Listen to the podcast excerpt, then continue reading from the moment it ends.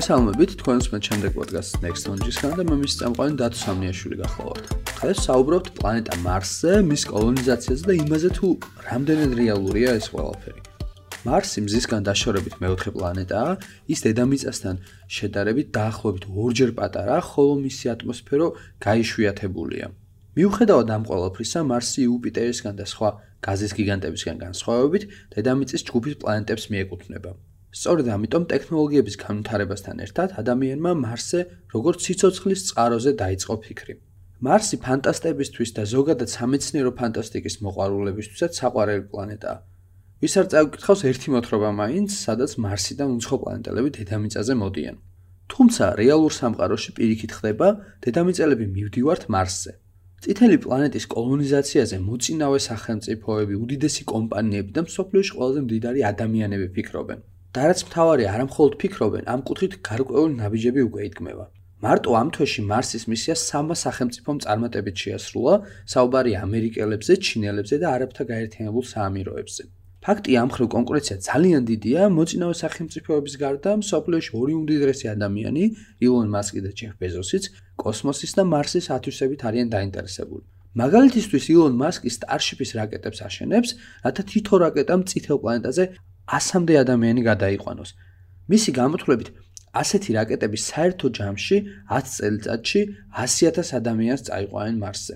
დროთა განმავლობაში ეს ყველაფერი სულ უფრო რეალური ხდება, შეიძლება ერთ დღესაც გავიღვიძოთ და უკვე მულტიპლანეტარული ცივილიზაცია ვიყოთ, რაც ჩვენი სახეობის გადარჩენისთვის და გამრავლებისთვის ნამდვილად მნიშვნელოვანია. დღეს სწორედ ამ ყველაფერზე ვისაუბრებთ, ხოლო ჩვენი თანამგზავრი ასტრობიოლოგი მარიკა ტარასაშვილი იქნება. აა მარიკა მოგესალმებით. გამარჯობა. აა მოდი დავიწყოთ მაშინ უშუალოდ თვითონ პლანეტიდან, სანამ უშუალოდ კოლონიზაციაზე ველაპარაკებთ.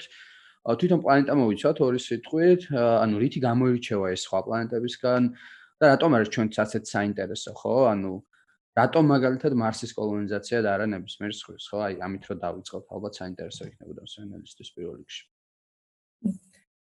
ასტრონომიაში არის ესეთი დაყოფა დედამიწის ტიპის პლანეტები და დიდი გაზოვანი გიგანტები. ნუ არის კიდევ ჯუჯა პლანეტები. დედამიწის ტიპის პლანეტებს მიეკუთვნება, ანუ რა არის? კლდოვანი ზედაპირი აქვს, აქვს თავისი ატმოსფერო, რომელიც არ არის რაღაც ექსტრემალური ატმოსფერო, ხო? რომელიც რაღაც ძალიან დიდ აირებს მოიცავს, როგორც მაგალითად იუპიტერი, ნეპტუნი და სატურნი. ეს არის ერთი. მეორე ის არის, რომ ყველაზე ახლოს არის ჩვენთან. სხვა პლანეტებთან შედარებით, ну, შეხედოთ ვენერა, ვენერა არის მზისკენ და აქვს საკმაოდ ექსტრემალური ატმოსფერო, არის დაახლოებით დედამიწის ხელა, ну, იქ გაცილებით უფრო დიდი ექსტრემალური პროცესები მიდის ვიდრე მარსზე. მარსი შედარებით წყნარი პლანეტა არის ამ შემთხვევაში. და თან არის ზომით მომცრო. აჰა, ასე ვთქვათ. შემდეგ მისი ქანების და ატმოსფეროს შედგენილობა და მოსალოდნელი წყლის არსებობა გვაძლევს იმის საშუალებას, რომ მისი კოლონიზაცია და შემდეგ ტერაფორმირება შედარებით ადვილად განახორციელოს. ეს არის ყველაზე ახლო, ყველაზე იოლი დედამიწასთან ყველაზე უფრო ახლოს გარი თავისი თვისებებით პლანეტა. აა გარდა ამისა, მისი ორბიტული მახასიათებლები კი აქვს გაწელილი ორბიტა, მაგრამ დიდად არ იცვლება, ასე ვთქვათ, ტემპერატურული რეჟიმები მასზე, მაშინ როდესაც შორს იმყოფა მზიდან, ან ახლოს იმყოფება მზიდან, დაახლოებით ორჯერ გრძელი ორბიტა აქვს ვიდრე დედამიწას, მაგრამ მხოლოდ ხანგრძლივობას ცulis ეს წელიწადის და მეც არაფერს 687 დღე ღამე არის დაახლოებით ის გარშემოვლას ანდომებს ამ დღეს. და რაც ყველაზე მთავარია, თავისი დღე ღამე, ანუ ღერძის გარშემობრუნვა, ეს არის 24 საათი და 33 წუთი. თითქმის პატარა განსხვავებაა. კი, ძალიან პატარა განსხვავება. ანუ ჩვენთვის პირველი კოლონიზაციისთვის და პირველი ტერაფორმირებისთვის და სავარჯიშოდ ასე ვთქვათ, არის იდეალური ადგილი. ძალიან ექსტრემალურიც არ არის, რომ დღევანდელი ტექნიკის გამოყენებით ვერ შევძლოთ მისი ათვისება, ხო? ეს ფაქტი არის უკვე აპარატები გაუშვით ძალიან ბევრი მარსზე და აა ამ ბოლოდრინმა მოვლენებაც ხატყო რომ ვისწავლეთ ძალიან კარგად მარსზე დაჯდომა, ხო? კი ბატონო. წერტილს წერტილში ასე ვთქვათ, სვამს NASA უკვე. ამ ხრივად საინტერესოა ძალიან თვითონ მარსის და კაცობრიობის ისტორიას რომ მიმოვიხილოთ. ანუ როგორ დაიწყეთ საერთოდ ხო მარსზე ოცნებობა? აა როდის იყო სიტყვა პირველად როდის მოგვივიდა აზრად რომ მოდი რაღაც მარსის კოლონიზაცია, შეიძლება კოლონიზაცია არ გვეფიქრა, მაგრამ გვეფიქრა იმაზე რომ უბრალოდ მოდი ერთხელ მაინც დავждეთ ხო ამ პლანეტაზე. ეს ყველაფერი საინტერესოა და როგორი ურთიერთობა გვაქვს ეს როვერების გაგზავნა იქნება ეს თუ პირველი რაღაც ჩანაფიქრება ესეც რომ მიმოვიხილოთ.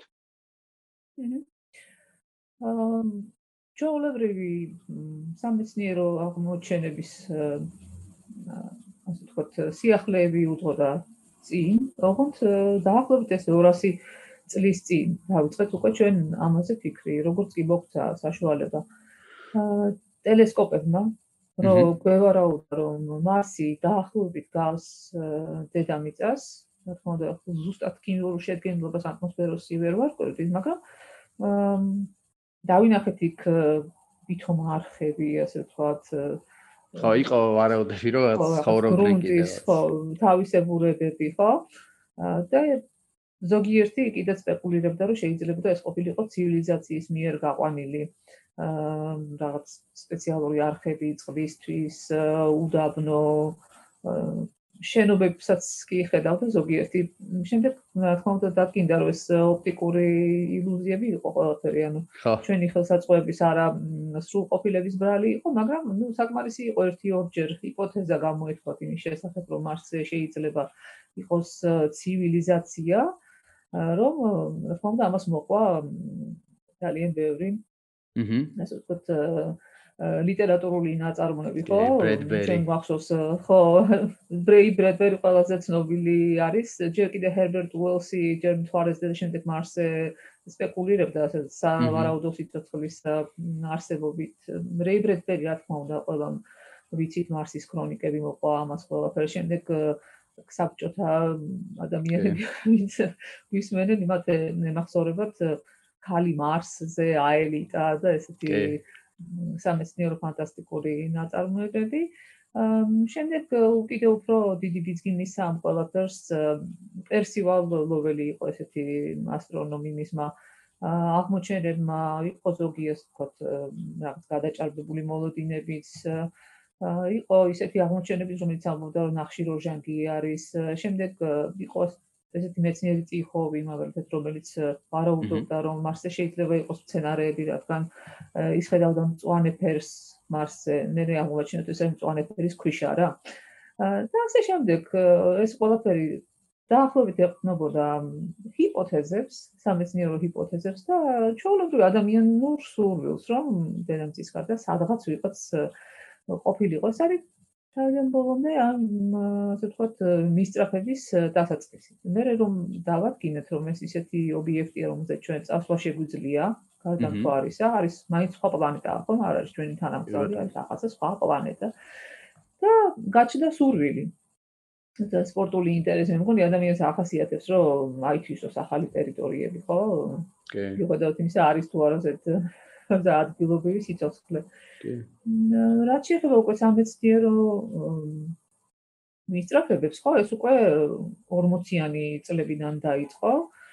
აა თქვენ შეგიძლიათ ნახოთ მოიდიოთ მეცნიერების კონცეფციები ვერნერ ფონ ბრაუნი ის პირველმა გაუშვა ადამიანები მთვარეზე მას აქვს არაჩვეულებრივი ციგნი ეს გერმანელი იყო, რომელიც შემდეგ ამერიკაში წაიყვანეს, ხო, როგორ თუ არ მეშლება. გერმანელი იყო იმ დიახა ეს რაკეტების საზოგადოდ მამა.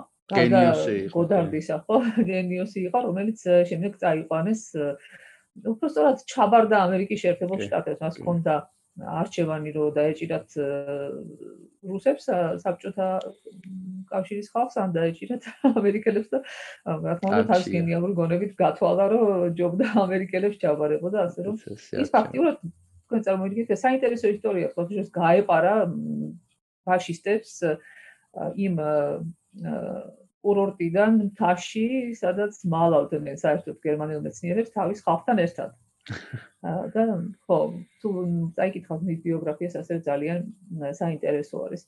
და მან წაიღო თავისი ოცნებები მარსის ათვისების შესახებ. მას აქვს წიგნი დაწერილი, ჯერ კიდევ 40-იან წლებში დაიწყო ამის წერა, 50-იან წლებში დაამთავრა მარსზე, ანუ მარსისკენ ესეთი წიგნი არის. იქ სამეცნიერო დონეზე სრულიად რეალურად აღწერილია ის თუ როგორ უნდა მიაღწიოს ხომალდმა ნებისმიერ აპარატმა მარსამდე, დედამიწიდან მარსამდე და შემდეგ როგორ უნდა მოხდეს იქ ადამიანების გაგზავნა და როგორ უნდა მოხდეს კოლონიზაცია. საინტერესო მომენტი არის კიდევ ის, რომ აი სატურნ 5 ეს რაკეტა, რომელიც აშენებულია მთვარეზე ადამიანების გასაგზავნად, ხო? რო ვთქვა. შემდეგ უკვე დაიწყო ესე ვთქვათ დეტალური გამოკვლევა ამ ამბის და თქვენს რომ სატურნ 5 დადეს დასმა რომ სატურნ 5 არის ზემძლავრი რაკეტა, რომელიც არა მარტო მარს არა მარტო მთვარეზე წასასვლელად იყო გათვლილი, არამედ ისე იყო აშენებული, რომ შემდეგ ამ რაკეტით მარსზე მისიების გაგზავნაც კი შეიძლებოდა. და დაახლოებით ასეც ხო, მოხდა, ხო? ასე რომ რეალური ხორცი შეასხა ვერნერ ფონ ბრაუნმა პრინციპში ამ მისიებს. საბჭოთა კავშირში იყო კარალიოვი, რა თქმა უნდა და მისი გუნდი, რომელიც მუშაობდა მარსის ათვისებაზე. ასე შეგიძლიათ მოიძიოთ. ხო, ასე შეგიძლიათ მოიძიოთ მისი უზარმაზარი ნაშრომები ხო რუსულ ენაზე ხო ასტრონეტ.ru აქვეყნებს ხოლმე ამ ბიოგრაფიულ მონაცემებს რა თქმა უნდა ინგლისურ ენაზე ნაკლებად არის მთელი უზარმაზარი პროგრამა იყო გაშლილი მარსის ათვისებისთვის და თქვენ წარმოიდგინეთ დღეს ეს რა ტექნიკასაც ვიყენებთ?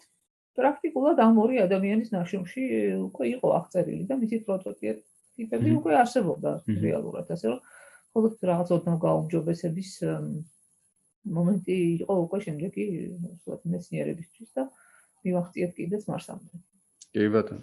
ხო აი თქვენ ბრედბერი რო ახსენეთ ის გამახსენდა ერთი მოთხრობა აქვს ჩემ ერთ-ერთ საყვარელ მოთხრობა მაგისი როდესაც მამაშვილი ჩადიან მარსზე და ბავშვი ეუბნება რომ გეხოცები მამა მანახეო მარსელებიო ვინ არიან სად არიან და კიო განახებო ესე იწყება და მიყავს და განახებს წყალს ჩაახედებს და ხედავს თავის თავს და აიო ესენი არიან მარსელებიო რა. ჩვენ ვართ მარსელები ხო აი ეს რაღაც სიმბოლური რაღაცა გადააზრება რომ ვეძებდით თავიდან მარსზე რომ ვინ არიან მარსელები ვინ შეიძლება ფანტასტები რაღაც უამრავ ნაწარმოებს წერენ რომ მარსიდან მოდიოდნენ რომ სხვა პლანეტებზე ბოლოს აღმოჩნდა რომ თუ ვინმე იქნება მარსზე შეიძლება ისევ ჩვენ ვიყოთ მარსელები შენვარ პირველი მარსელები კი.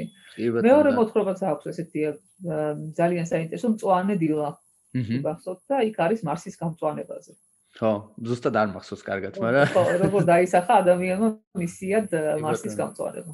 კი ბატონო. სხვა შეიძლება ესეთი ნაწარმოები გვაქვს ქართული ქართული ფანტასტისაც, ქალის არკეში ძველი ნაწარმოები, როდესაც მარსიდან არის კონტაქტი ესეც გამახსენდა. მოკლედ ადამიანები ძალიან დიდი ხანია გვინდა ყოველ შემთხვევაში ოცნებობთ იმაზე, რომ მარსზე მოხვდეთ და რაღაც დონეზე, ნუ იქ თუ არ არიან ჩვენ მაინც გავაჩინოთ სიცოცხლე, ხო? და რავი ეს ეს უკვე თავად საინტერესოა. უბრალოდ აი მსმენელს შეიძლება ახლა აი ეს ყველაფერი ესმოდეს, ისედაც ზოგადად კონდეს ინფორმაცია, რომ აი ვიღაცეები სიტყვაზე აპირებენ მარსის კოლონიზაციას, ადამიანებს უნდათ კოლონიზაცია, მაგრამ თავარი იდეა შეიძლება ბევრს უშდებოდეს შეკითხვა, რომ რა თქინდათ, ხო ეს და.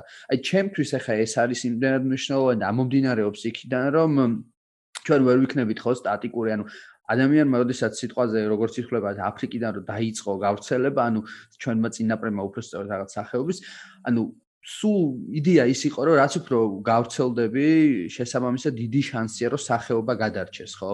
ანუ აი ამაზეც ალბათ საინტერესო იქნება მსმენელისთვის მოსმენა რომ ანუ რა შეიძლება იყოს თავარი იდეა ამის არა ის რომ სიტყვაზე ხელ მარსზე წავიდეთ და იქ პირდაპირ ოკეანეებზე და რაღაც დავისვენოთ, ხო? იქ იდეა ალბათ არის ის რომ როგორღაც მულტი მულტიპლანეტარული გავხდეთ სიცოცხლე ხო?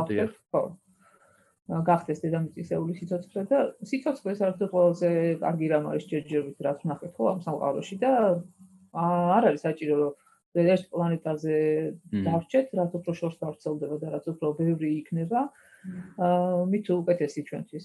რა თქმა უნდა, თქვენ უკვე აღნიშნეთ, რომ ეს არის ადამიანის ბუნებრივი მოთხოვნილება და ალბათ ინსტინქტურად არის ეს ყველაფერი, რომ განარჩოს დედამიწის მაგვარი სიცოცხლე, ასე საკუთარი სახეობა სხვადასხვა კოსმოსურ სხეულებზე. რატომ? იმიტომ რომ ჩვენ გვინდა არ გვინდა ვიცით რომ დედამიწა ყოველთვის ვერ იარსებებს. ხო ასია? იმედი არის რა თქმა უნდა, შეიძლება დიდხანს იქნება, მაგრამ არც ისე ბევრი დაგვრჩა იმისთვის რომ გავატაროთ ამ პლანეტაზე. ამიტომ საჭიროა დაწყება და ასე ვთქვათ ვარჯიში კოლონიზაციაში განავითაროთ უნდა ტექნიკა, უნდა მივიღოთ გამოცდილება და მოვეზადოთ იმისთვის, რომ მოგვიწერს სხვა კოსმოსურ სხეულზე გადასახლება ოდესღაც და ეს ჩვენი პირველი ასე ვთქვათ აცდა კოლონიზაციისკენ, ხო, აუტპოსტი, რასაც ქვია არის მარსი. ხო, ის ბუნებრივი აჰა რამ არის? ჩვენ ვერ გავთვლით ახლა როგორი ტექნოლოგიები შეიძლება იყოს მომავალში, ახლაც კი იმდენად სწრაფად იცვლება ყველაფერი 50 100 წელიწადში რა იქნება საერთოდ წარმოქმნა არ გვაქვს მაგრამ დღეს უკვე დავიწყეთ ძალიან კარგად და გვაქვს საშუალებები იმისთვის რომ ჩვენს შთამომავლობაზე დავუტოვოთ ეს დაწყებული მარსის კოლონიზაცია რომ შემდეგ მათ მათ განაგრძონ სხვა კოსმოსური სხეულების საფრთხება ხო? აი ეს არის ძირითადი იდეა ამისა მაგრამ ძალიან ვერს რატომღაც არ ვიცი საიდან მოდის ეს სხვათა შორის ესე წარმოუდგენია თითქოს ჩვენ უნდა დავტოვოთ დედამიწა და წავიდეთ მარსზე ნუ ეს ერთი ყველაზე დიდი შეცდომა. ხო არავინ არ ტოვებს დედამიწა რატომ უნდა დავტოვოთ მე წარმოუდგენია. და მიდის მარსზე ეს ერთი მე მეორე წარმოუდგენია თუ აქ თელი რესურსები დედამიწიდან უნდა წავიღოთ და ამ რესურსებით უნდა მოვაფრინოთ მარსის კოლონიზაცია ჯერ და შემდეგ ტერაფორმირება რაც არის სული აბსურდი, არც ერთი, ანუ არანაირი ერთიანი ეკონომიკა მთელი დედამიწის იმას არ იყოფა, რომ შენი საშუალებები თქ მოახდინო მარსის კოლონიზაცია, ხო? ამიტომ ყველა ტექნოლოგია, რაც კი არის შემუშავებული საერთოდ თემადები მეცნიერების მიერ თუ დააკვირდებით, არის მიმართული იმისკენ, რომ მარსის ადგილობრივი რესურსების გამოყენებით სულ ცოტა დახმარებით დედამიწიდან მივახციოთ მის კოლონიზაციას და შემდეგ ტერაფორმირებას. აჰა. ეს ორი სცენარი არის ბიოლოგიური და ტექნოლოგიური, ალბათ უფრო კომბინაცია იქნება ამ ყველაფრის.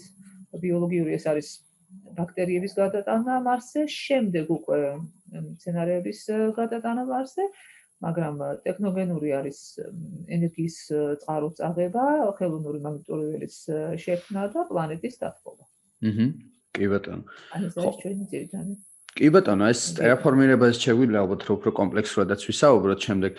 უბრალოდ მანამდე მინდა რომ აი იმ თემასაც შევეხოთ, რაც არის მაგალითად უშუალოდ მარსზე მოხვედრა, ხო? რაც აი მაგალითად ილონ მასკს უნდა ძალიან და მუშაობს რა Starship-ზე, რომელიც შეძლებს რომ ადამიანები გადაიყვანოს, უნდა რომ თითო რაკეტით მაგალითად თითო რაკეტამ შეძლოს რომ 100 ადამიანი გადაიყვანოს და თავისი გეგმაც აქვს რომ თუ მე შევძლებ სიტყვაზეო რომ წელიწადში 100 ცალიო ვაწარმო ესეთიო ხო ანუ უკვე გამოდის რომ ძალიან ბევრი ადამიანს გადაყვანა შეძლებენ. უკვე წელიწადში საბოლოოდ ამობს რომ უახლოეს მომავალში რამდენიმე წელიწადში შეძლებენ მე იქნება ეს რაკეტებს დავამზადებთ რა თქმა უნდა რომ 100 ადამიანი გადავიყვანოთ ანუ ჩემი ცხოვრების მეც რომ მოვესწრო ესე ვთქვა ამას ხო და? აი ამ ხრივ თუ შეგვიძლია ვისაუბროთ ეს ჩვენი შესაძლებლობები რაკეტა რაკეტების მხრივ და ამ მხრივ რამდენად შეგვიძლია ეხა რომ ანუ ახლო მომავალში რომ მსგავსი რაკეტები ან დავამზადოთ ან განვავითაროთ რომ ეს პროცესი იყოს უსაფრთხო პირველ რიგში იმიტომ რომ ერთია როდესაც რაღაც ჩდება მაგალითად სიტყვაზე რობოტიან ესე ვთქვათ როვერიან მეორე როდესაც უკვე ერთდროულად 100 ადამიანს უშვებთ ხო ალბათ აი ეგეც თუ შეგვიძლია რომ მიმოვიხილოთ ეს თემაც აა თუ გავუშვებ 20 ადამიანს, ასე ვთქვათ, მაშინ გავუშვებ 100 ადამიანსაც. უბრალოდ მასშტაბები შეიძლება ხო ამ ყველაფრის, მაგრამ აქ არის ერთი მომენტი, ეს რა გვინდა ჩვენ, ან პირველი რასურს ილონ მასკს ხო რა გვინდა ჩვენ? ჩვენ გვინდა რომ წავიდეთ მარსისკენ. აა დავждდეთ იქ აა შემდეგ დავადგათ ფეხი და ვიძახოთ ჰოპლა. რომ ჩვენ ვართ მარსზე. ისევ წამოვიდეთ უკან, ხო, თუ გვინდა რომ წავიდეთ და დავრჩეთ. ხო? აა წავიდეთ და დავრჩეთ არის უაღრესად სარისკო მოგზაურობა. ეს რომ იყოს პლანეტა, რომელსაც აქვს ჟანგბადი, სხვა არაფერი, ხო, თავი დავანებოთ, ჟანგბადი, რომელიც შეიძლება ისუნთქო, რამე რომ მოხდეს, ხო? ეს რა ვთქვა, 100ჯერ, 200ჯერ, 300ჯერ, მილიონჯერ უფრო ადვილი იქნებოდა პლანეტის ათვისება, მაგრამ მისი ყველაზე დიდი პრობლემა არის მისი ატმოსფერო, რომელიც არანაირად არ ვარგა სასუნთქავად. ესე საკმარისია იქ რამე ისე არ წავიდეს, როგორც საჭიროა და რაიმე ტექნიკა გვინთხუნოს, რომ ეს შეიძლება გახდეს ათობით, ასობით ადამიანის სიკვდილის და ძალიან ცუდი სიკვდილის მიზეზი. აჰა. ასე რომ ერთი არის ჩვენი სურვილი, მეორე არის ის თუ რამდენად ფრთხილად გავაკეთებთ ყველაფერს ამას. არავის არ ჭირდება სხერპული მარსზე. გარდა ამისა თუ კოლონია გინდა, მაშინ უნდა წაიყვანო ყველა პროფესიის ადამიანი, რომელმაც უნდა მარტოს ეს კოლონია ის ხალხი, რომელსაც მოყავს მოსავალი, რომელიც ყოველთვის არის ყველაზე მთავარი, აქ ჩვენთან დედამიწაზეც და მარსზეც ყველაზე მთავარი ხალხი ის იქნება, ვინც მოიყვანს საკვებს, რა. შემდეგ ინჟინრები რომ მოახდინონ ამ უსაფრთხოების უზრუნველყოფა, რომლის დახმარებითაც იმუშავებს შემდეგ მთელი ეს რთული ხელსაწყოები, რომლებიც აზრთავენ წყალს, საკვების გადამუშავება, იქ ჟანგბადის მიღება, და ასე შემდეგ, ხო ეს ყველაფერი, შემდეგ უნდა ყავდეს ექიმები, სამედიცინო პერსონალი, ხო, რომელიც აუცილებელია განსაკუთრებით ესეთ ექსტრემალურ პირობებში. ამიტომ თუ ამას ყველაფერს ჩაუფიქრდებთ, ხო, ერთი არის სურვილი და მეორე არის ის რა შეიძლება იყოს რეალურად. ამიტომ არის რომ მე მაგალითად მე ვარ ილონ მასკის ფანი ვარ იმის გამო რომ რაც თქვა ყველაფერი გააკეთა, ხო? არ არ გამი გოს არავის ხანაირად, მაგრამ აა მე ამ ხრივ სრულიად ვემხრობი NASA-ს, რომელიც ამბობს, რომ ყველა ტექნოლოგია, რომელიც გვინდა რომ არსზე წავიღოთ, უნდა გამოიცადოს ჯერ მთვარეზე. აა მისი საიმედოობა, ხო როგორ ცხოვრობთ რამეირად, როგორ მოვახერხებთ იქ ხუთნას და ხოლო ამის შემდეგ შეიძლება დავიწყოთ ფიქრი იმაზე, რომ შეიძლება განხორციელდეს მარსის კოლონიზაცია, როდესაც გვექნება ყველა ეს ხელსაწყო. და როდესაც ჩავატარებთ ყველა იმ აუცილებელ გამოკვლევას, თუნდაც ფსიქოლოგიურს, თუნდაც პრაქტიკულს, რომელიც საჭირო იქნება იმისთვის, რომ არსზე ადამიანებმა იცხოვრონ უსაფრთხოდ. მე ვეთანხმები ნასას, პირველი არის ადამიანის უსაფრთხოება, ეს ხოთაშერის დაიწყო ვერნერ ფონ ბრაუნიდან ეს ტრადიცია და შემდეგ არის უკვე ყველაფერი დანარჩენი. ილონ მასკი რა თქმა უნდა არის დიდი ენთუზიასტი, ის აშენებს ხოლმალს, რომელიც ნაკლები დანახარჯებით მივა მარსამდე. ძალიან კარგი, მშვენიერია, უზარმაზარი კონტრიბუცია მასის კოლონიზაციას. მრავალჯერადი რაკეტებიც იგივე. მრავალჯერადი რაკეტები, ნაკლები დანახარჯებით მარსისკენ, ასე ვთქვათ, ხო? აა მაგრამ ის რომ მას მოკიდო, მოხვედო რამდენიმე ასეული ადამიანი და გადაყარო იქ მარსზე რაღაც ცოტა რთულია. ხო, ცოტა რთულია, ხო, და მე მგონი ეს დაიწყება რობოტებით. რობოტები მოამზადებენ იქ ინფრასტრუქტურას, შემდეგ წავა რამდენიმე ჯგუფი ამის გამოსაცდელად, ოღონდ აუცილებლად დაბრუნების მისიით.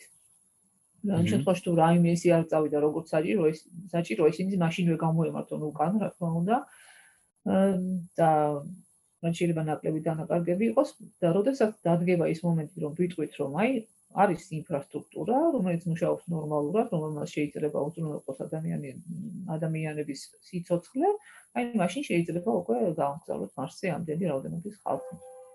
კი ბატონო. რა თქმა უნდა, არა აი ეს თქვენ ახსენეთ მთვარე და არტემისის მისია თუ არ მეშლება რომ 2024 წლისთვის გეგმავენ უკვე უშუალოდ მთვარეზე უნდათ ხო? და რაღაც ითვლება რომ ეს იქნება ესე ვთქვათ მართლა საცდელი პროცედურა ხო? იქ ბევრ რაღაც ესე ვთქვათ გამოცდიან ასე შემდეგ ტექნოლოგიების გამოსაცდელი დიახ კი კი და ანუ რაღაც უნდა თო დიდხანს გაჩერდნენ ხო მარსზე და ნუ თქვენ თქმის არ იყოს მართლაც რთული იქნება პირდაპირ, იმიტომ რომ მასკი ზოგჯერ ისეთ თარიღებს ამბობს ხოლმე, რომ უნდა რომ რაღაც 2026 წელს უკვე გაუშვათო, მაგრამ ნუ სამწუხაროდ თუ თუ როგორც არის შეიძლება ითქვას, რომ ბევრი ის გჭირდება, ხო, ჯერ რა ქვია, კვლევები ამისთვის. როგორც თქვით, თუ გინდა რომ წახვიდე მარსზე და დაიძახო ხოყლა და წამოხვიდე, ხო. ნუ თვალ წავიდეთ, არა? ხო, ეგ არის, კი ბატონო, და მეორე ოდესაც შენი ფუტკრე კი ბატონო.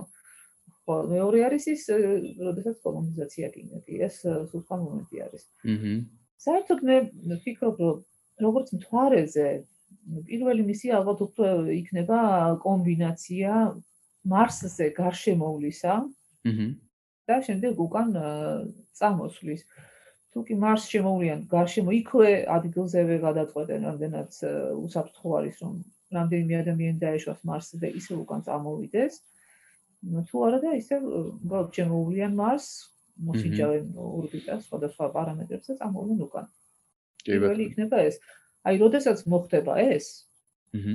შემდეგ უკვე შეგვიძლია ვფიქროთ, რომ საქმე გაცილებით უფრო სერიოზულად არის, ვიდრე შეიძლება სურვილი გქონდეს და საუბრობდეთ. კი ბატონო. აი მე ვიცი რა თქვენი კვლევებს თქვენ კვლევებზეც მსვენია და საინტერესო იქნებოდა მსვენელისთვის რომ ამაზეც ვისაუბროთ და უკვე აქედან ალბათ შეგვიძლია უშუალოდ უკვე აი თვითონ პლანეტის ტერაფორმირებაზე გადავიდეთ და უფრო დეტალებში გავიაროთ ეს ყველაფერი. საინტერესო იქნება იმ ვიცი რომ თქვენ აქ რაღაც ექსპერიმენტები გაქვთ ჩატარებული ამ ხრივ და ესეც ან საინტერესო რომ მოვისმინოთ. დიახ, პირველი ეს არის სრულიად პრაქტიკული ექსპერიმენტი, ეს არის მარსის გრუნტის ბიორემედიაცია. რას ნიშნავს? ბიოლოგიური ან მიკრობიოლოგიური საშუალებებით მარსის გრუნტისთვის ისეთი პარამეტრების მიცემა, რომელიც შემდეგ უკვე გამოსადეგი იქნება ზედმცენარეების მოსაყვანად. ეს არის მარსის აგროკულტურის საფუძვლები. მარსის გრუნტი შეიცავს მინერალებს, ისეთ მინერალებს, რომლებიც აუცილებელია მცენარეების სიცოცხლისთვის, მაგრამ ამ მინერალებს და ელემენტებს შეიცავს უხსნადი ფორმით. კონდეთ კიდეც აღნიშნული უხსნად ნივთიერებებს მცენარეები ვერ ითვისებს, ამიტომ საჭირო ისინი გარდაქმნათ ხსნად ფორმაში, რომელიც ასეთვისებელი იქნება მცენარეებისთვის, ხო? აჰა. ამისთვის სრულიად იოლად შეგვიძლია გამოვიყენოთ მიკროორგანიზმები, ეგრეთ წოდებული ექსტრემოფილები, ექსტრემალურ გარემოში მცხოვრები მიკროორგანიზმები, რომლებიც ახერხებენ ამ მინერალების გადაყვანას ხსნად ფორმაში და შემდეგ ისინი წყლის თანაობით რა თქმა უნდა ათვისებადი ხდება მცენარეებისთვის. აი ეს იყო ის ძირითადი სამუშაო, რასაც ჩვენ ვაწარმოებთ. ეხლა ეს არ არის მარტო აგროკულტურის საკითხი, რა თქმა უნდა კოლონისტებისთვის ამას დიდი მნიშვნელობა ექნება, მაგრამ ეს არის ძალიან მნიშვნელოვანი მარსის ტერაფორმირებისთვის. თვითონ, აი როგორც აღნიშნეთ, შეიძლება იყოს ბიოლოგიური, ან ტექნოგენური, ან უფრო კომბინაცია მარსის ტერაფორმირების, ხო? აჰა. თავის დროზე არც დედამიწა არ იყო მცენარეებით ამწვანებული. პირველი პიონერები, რომლებმაც დაიპყრეს ასე რომ დედამიწა და შექმნეს კლიმატი და გამოყოს ჟანგბადი, იყვნენ ციანობაქტერიები. კი. და ასევე სხვადასხვა ჯგუფის ბაქტერიები, თუმცა რკინაბაქტერიები, მეტამბაქტერიები თავიანთი როლი შეასრულეს მათ. აა სხვადასხვა მეტალის ამთვისებელი ბაქტერიები, რომლებსაც დღეს ცივილიზებული ქვეყანა აი მაინინგის წყლების გასაწმენდად იყენებს. ხო, ყველა ეს ბაქტერია თავის დროზე მუშაობდა დედამიწაზე და მათი მეშვეობით დედამიწა დაემსგავსა დედამიწას. აჰა. ასეთივე წარმატებით დღესაც ცოცხალი ცოცხლები არიან ასე ვთქვათ ეს შტოები და მათი დახმარებით შეგვიძლია ჩვენ რომ მარსი მაქსიმალურად მიომსგავსოთ დედამიწას. რა თქმა უნდა, ტექნოლოგიური დახმარების გარეშე ეს უფრო დიდხანს წაიღებს, მაგრამ ესე თუ რომც დაყაროთ ეს ციანობაქტერიები და სხვა ექსტრემალური ბაქტერიები მარსზე და უბრალოდ თავი დაანებოთ, ხო? წყლის თანაობისას. 200-300 წელიწადში თვითონაც მოახერხებენ ასე ვთქვათ მარსის კლიმატის მნიშვნელოვნად შეცვლას. ანუ ეს ბაქტერიები გამოიცდებოდა ჩვენს მიერ იმიტირებულ პირობებში და საკმაოდ ესეთი წარმატებული მექანიზმები აღმოაჩნდა მართ როგორც მარსის ტერაპორმირებისთვის ასევე მარსის ნიადაგისთვის ბიოგენურობის მისანიჭებლად ხო? ჩვენ შემდეგ დავთესეთ გარკვეული მცენარეები ბიორემედირებულ ნიადაგში და თავისუფლად მოვიყვანეთ ლობიო ხორვალი კარტოფილი. თავისუფლად მოვიდა ხო კი თავისუფლად მოვიდა ფილმიც რო არის მარსელი ნახ გეკნებოდა მე დეიმონი რო თამაშობს კარტოფილი რო მოყავს. ხო კარტოფილი რო მოყავს სხვათა შორის ჩვენ უკეთესი მეთოდებით მოვიყვანეთ ეს კარტოფილი. არაფერი ისე მსგავსი ის ჩვენ ხომ მექანიზმები არ გამოგვიყენებია რაც მე დეიმონმა გამოიყენა მარსზე ჩვენ სუფთად მოვიყვანეთ შემოფო გებრიელიც იყო თქვენი კარტოფილი კი ბატონო მხოლოდ ბაქტერიების საშუალებით ასე რომ არაფერი კი ბატონო. დისკომფორტი არ აჰა. ყოფილა ამასთან დაკავშირებით. კი ბატონო აი ტერაფორმირება დეიმონისგან გას გასხოვებს კი ბატონო. აი ტერაფორმირებაზე რო საუბრობდით მანდარის მომენტი თქვენ ახსენეთ 200-300 წელიწადი ხო დაახლოებით და აი ციანობაქტერიებს თუ ჩაყრით. კი ბატონო კი ბატონო. და ანუ ეს მე გამიჩნდა შეკითხვა ესეთი რომ ანუ მარსის გარემო პირობები ამას ხელს არ შეუშლის, ანუ მათ ვერ შეაჩერებს ამ კუთხით, ანუ მათ მართლა შეეძლებათ, რომ ეს მთლიან პლანეტა გარდაქმნან, ესე, ანუ აი ეგ შეკითხვა გამიშდა.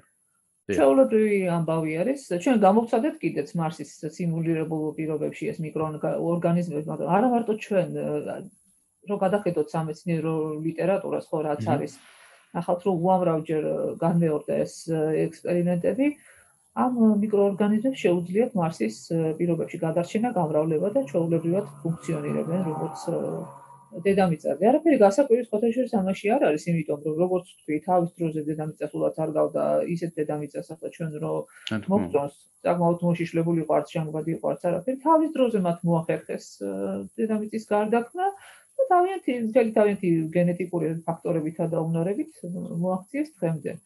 და მარს შეიძლება რაღაც პარამეტრებით კიდევ უფრო ასე ვთქვათ დამდობი და არც ისე სასტიკი იყოს როგორც პირველი დედამიწა იყო თავის დროზე. უფრო მოშორებითაც კი არის მისგან ხო? უფრო ისფერიც ნაკლები არის ვიდრე იქნებოდა უატმოსფერო დედამიწაზე, ასე რომ ისინი თავისუფლად ახერხებენ ამას მარსის პირობებში ჩვეულებრივად გადარჩებიან და გარდაქმნიან გრუნტსაც, ატმოსფეროსაც და გარემოსაც. აჰა. ძალიან საინტერესოა. კი. ხო, ეხლა ჩვენ მინდა ჩვენ გავაგზავნოთ ეს perseverance მარსზე სიცოცხლის აღმოსაჩენად. ძალიან ბევრი მეცნიერი და მათ შორის მეც ველოდებით რომ იქ უფრო იპოვიან არა ადგილობრივ სიცოცხლეს, არამედ იმ ციანობაქტერიებს და იმ რკინაბაქტერიებს იმ გოგით ბაქტერიებს და მოგეთ იმ ცოცხალ ორგანიზმებს, რომლებიც იქ რაღაცნაირად მოხდნენ დედამიწიდან, ხო? თუნდაც პირველი გაუსტერილებელი აპარატებიდან, თუნდაც, რა ვიცი, მეტეორული ნატეხების მეშვეობით და ასე შემდეგ. აჰა. ანუ უფრო ამას ველოდებით ჩვენ ვიდრე ახალი სიცოცხლის აჰა. კი ბატონო, ანუ იქ ხო იყო რაღაც ეჭვები დღემდეც არის ხო რაღაცნაირად რომ შეიძლება იყოს იქ ხო რაღაც დონის ამ ბაქტერიული ბაქტერიული სიცოცხლე და აი ეგ რამდენად რეალური შეიძლება იყოს იგივე აი წყლის აღმოჩენაზეც რომ საუბრობდნენ ანუ ეს. წყალი არის აღმოჩენილი. სამი სახის წყალი შეიძლება განიხილოთ ეს ქანი ეს განსხვავდება ხო დედამიწის წყლისგან. აშორიო ყველგან აშორიოა ხო? ხო. მაგრამ გააჩნია იქ როგორი ვთქვათ მინარევები აქვს. და რა ფიზიკურ მდგომარეობაში იმყოფება პირველი წყლის უზარმაზარი ყინული ყინულის ფენები რომლებიც არის განსაკუთრებით პოლარეთის ქვეშ მაგრამ ასევე ეკვატორული ფენის ქვეშაც დააფიქსირეს ეს უკვე არის უზარმაზარი ფენები ამ წყლისა შემდეგ არის რამდენიმე ასე თერმული ცხელი რომელიც ზოგჯერ ამოხეთქავს ხოლმე მარსის ზედაპირზე არა როგორც გეიზერი არამედ გაჟონვის სახით მოჩანს ხოლმე ეს თერმული წყაროები ხო ნუ ცხელი წყლები შეიძლება იყოს. და მესამე ფორმა ეს არის წყლის ორთქლი. აჰა ზედაპირზე რა თქმა უნდა არ არის სუბლიმირებული ასე ვთქვათ ორთქლი რომელიც არის ატმოსფეროში თუ დააკვირდებით თქვენ რამდენიმე სურათს ლენდერის რომლებიც დასხდნენ მარსზე ნახავთ რომ ძალიან ხშირად იქ მithumetes დილისკენ გადაღებული სურათები რაც არის მათ აქვთ ხოლმე წვეთები ხელსაწყოებზე. წყლის ჩაოლებრივი წვეთები. ანუ ეს იმას ნიშნავს რომ მარსის ატმოსფერო არის საკმაოდ ნოტიო და ხდება რაღაც მომენტში ამ რკინის ლითონის დეტალებზე წყლის წვეთების კონდენსირება ხო? ეხლა perseverance-მა სპეციალური ცხაურიც წაიღო, რომელმაც უნდა მოახერხოს მარსის ატმოსფეროდან მტკნარი წყლის წვეთების ასე ვთქვათ კონდენსირება და გამოყოფა. ასეც იყენებენ სხვათა შორის ჩვენთან დედამიწაზე უდაბნოებში. სადაც წყალი საერთოდ არ მოდის, იქ ატმოსფეროში არის წყლის ორთქლი და იქიდან შეიძლება მისი კონდენსირების მოხდენა. ცხაურები ქვია სპეციალური microfibers. ანუ მიკრობოჭკოვანი ცხოველები და აინტერესებთ მოხერხდება თუ არა იგივე მარსზე. ანუ წყალი მარსზე არის საკმაოდ ბევრი. აა კნარი წყალი თუ გვინდა რა თქმა უნდა ატმოსფეროდან უნდა მივიღოთ, აა თუ არა და ბუნებრივად წყლები არის ძალიან ძალიან ძალიან მარილიანი. არიან წყლებია, მას ბრაინ ბრაინს ეძახია ხოლმე. ინგლისურად ანუ მინერალური წყლები არის ფაქტი ექსტრემალურად მინერალური წყლები არის მარს ხო მაგრამ რა თქმა უნდა რა უნდა ხო როგორც მინერალური წყლის გასუფთავება შეიძლება ისევე შეიძლება წყლის გასუფთავება. კი ბატონო. ალი არის მარსზე ეს არის უდიდესი ხო. ნიშნობის მქონე დეტალი კოლონიზაციისთვის. კი ბატონო აი ტერაფორმირებას საუბრობთ ის დროც ვახსენეთ დაახლოებით თუ შეგვიძლია ეგეთ საინტერესო გაუშვება ხომ კითხავს ესეთ შეკითხვა რომ ეს პროცესი დავაჩქაროთ სიტყვაზე რამდენად შესაძლებელია ამ პროცესის დაჩქარება და კიდე აი ილონ მასკი ახსენებდა ხოლმე რომ იყო რომ ეგეთ ატომური აფეთქების ის უნდა და ხო ამით ამით რაღაც ტერაფორმირებაში რაღაც დიწუს შევიტანთო და აი აი სხვადასხვა საშუალებებიც რომ მოვიცვათ რეები არის ესეთი და რაც შეუძლია რომ ეგინდაც ეს პროცესები რაც ჩვენ თქვით კიდე უფრო დააჩქაროს კი, რა თქმა უნდა, ტექნოგენურად ძალიან ბევრი საშუალება არის, რომ დავაჩქაროთ. ნებისმიერი ენერგიის წყარო შეგვიძლია გამოვიყენოთ ეს ატომურ ენერგიას აქვს ერთი მინუსი.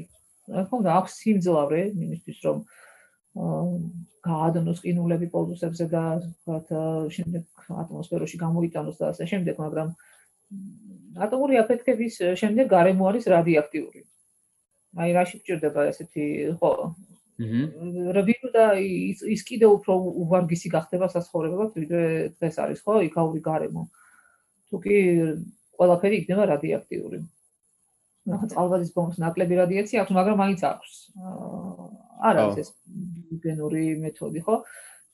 მაგრამ რა შეგვიძლია შეგვიძლია დავდგათ ისეთი ხელსაწყოები რომლებიც დაათბობს პლანეტას, ანუ გამოიწვევს გლობალურ დათბობას. ეს არის ძალიან ცუდი დედამიწაზე, მაგრამ ძალიან კარგი იქნება მარსზე. თუ დედამიწაზე ვახერხებთ, მარსზეც მოახერხებთ გლობალურ დათბობას პლანეტის, მაგრამ საერთოდ ყველაზე დიდი და მთავარი პრობლემა ეს არის ხელოვნური მაგნიტური ველი.